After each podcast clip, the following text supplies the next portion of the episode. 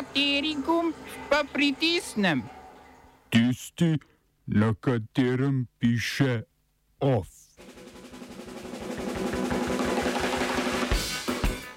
Turčija državljanom Sirije, Iraka in Jemna prepoveduje lete v Belorusijo.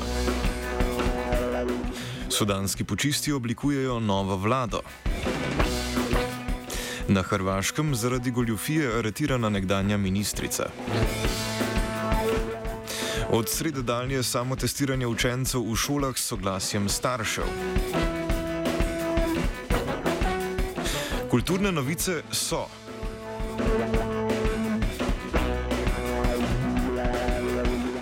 Dobar dan. Turški urad za civilno letalstvo je danes državljanom Sirije, Iraka in Jemna prepovedal nakup letalskih vozovnic in vstop na letala napotena v Belorusijo. To je še en ukrep proti imigranski krizi na vzhodni meje, meji Polske in Litve, za katero zahodne države krivijo Belorusijo.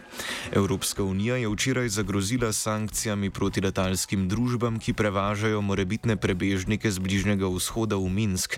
Na koncu izredne seje varnostnega sveta sveta OZN so ZDA, Združeno kraljestvo, Francija, Irska, Norveška in Estonija v skupni deklaraciji obtožile belorusko vlado namernega poskusa destabilizacije Evropske unije. Rusija, ki svojo zaveznico podpira že od začetka krize, v deklaraciji ni bila omenjena. Stanje na meji je še vedno napeto, po poročanju proruskega portala Sputnik naj bi se skozi bodečo žico na polski meji danes zjutraj prebilo med 150 in 200 ljudi ljudi.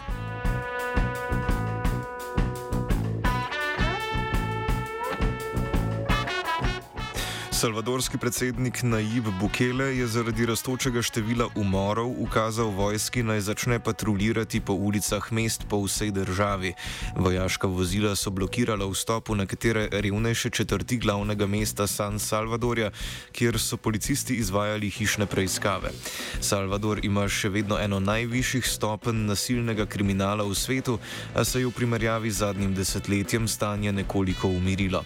Stopnja umorov je bila v preteklosti preteklih dneh štirikrat večja v primerjavi s povprečjem leta 2021.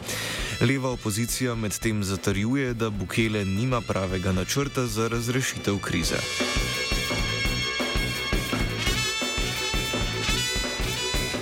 Vodja državnega udara v Sudanu, general Abdel Fattah el-Burhan, je včeraj zaprisegel kot vodja novega tranzicijskega sveta, ki ga je sam ustanovil. Suvereni svet od začetka prehoda v demokracijo leta 2019 deluje kot kolektivni izvršni organ. Svet je bil sestavljen na novo z udeležbo predstavnikov regij, vojaških voditeljev in različnih uporniških skupin, ki aktivno ne nasprotujejo vladi. Odsotni pa so člani člani koalicije Sile za svobodo in spremembe, ki je vodila demokratične proteste leta 2019 in s katero si je vojska do oktobrskega puča delila oblast. Sudansko strokovno združenje, kot se je poimenovala glavna zveza sindikatov v državi, nadaljuje z uporom, ki ga še vedno ovira prekinitev internetnih storitev, prisotna od začetka puča.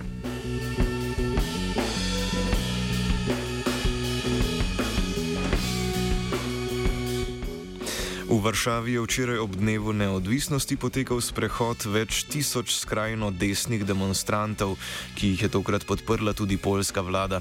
Sprehod ob dnevu neodvisnosti, ki ga že vrsto let organizira neofašistična skupina Nacionalno-radikalni tabor, je letos naletel na upravne ovire protifašističnih aktivistov. Ti so pri varšavski občini na enaki poti napovedali lastno demonstracijo, preden so desni skrajneži vložili svojo prošnjo. Zato jim je sodišče priznalo prednost pri izvajanju dogodka. Za izvedbo nacionalističnega shoda je v torek poskrbel Urad za vojne veterane in žrtve zatiranja polske vlade, ki je prevzel organizacijo dogodka in shodu podal uradni značaj.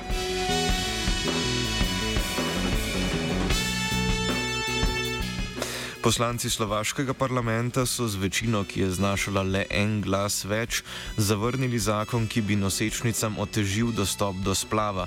Zakonom, ki ga je predlagala vladajoča populistična stranka Navadni ljudje in neodvisne osebnosti, bi bila obvezna čakalna doba med zahtevkom in izvedbo splava podaljšana z dva na štiri dni, pacijentke pa bi prav tako morale podati razlog, zakaj želijo splaviti.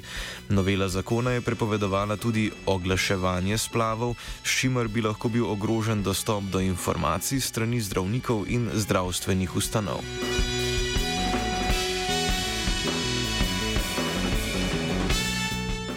Na Hrvaškem so včeraj zaradi sumov goljufije aretirali nekdanjo ministrico za regionalni razvoj in sredstva EU Gabrielo Žalac in še dve osebi. Evropsko javno toživstvo v sodelovanju s hrvaško policijo preizkuje tako imenovano afero Software kjer naj bi bila dobava programske opreme nastavljena v korist dveh žalčenih znancev.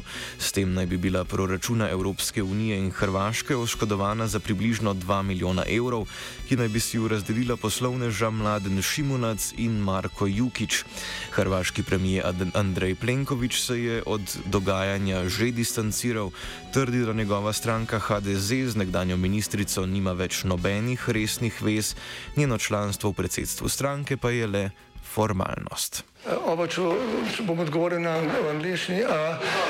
Slovenija bo poskušala pomagati. Slovenija bo naredila naš utmost, da bo rekla, da je situacija naš problem, sami. In bomo naredili nadaljnje korake, as soon as the conditions are. Bomo vlado Marjana Cererera Šarca podprli.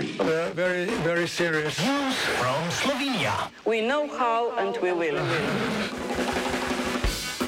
Kje lepše je kot doma, slovenska vlada je na včerajšnji dopisni seji spremenila ukrepe za zajezitev epidemije virusa COVID-19, vezane na samo testiranje šolarjev in kulturne prireditve.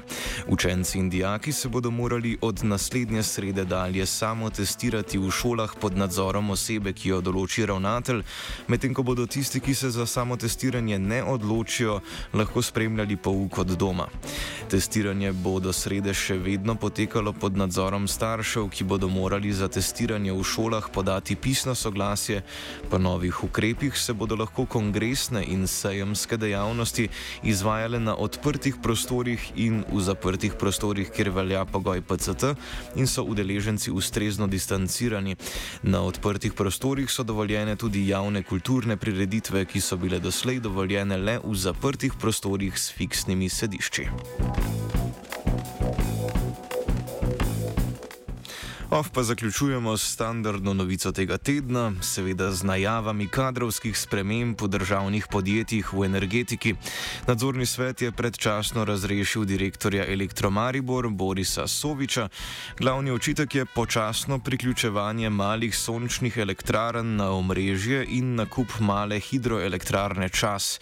Začasno ga je nadomestil prvi nadzornik Jože Hebar, ki sodi v krog menedžerjev blizu stranke NSI. Sovič sam je član socialnih demokratov in nekdanji mariborski župan, mariborskega elektrodistributerja pa je vodil zadnjih devet let.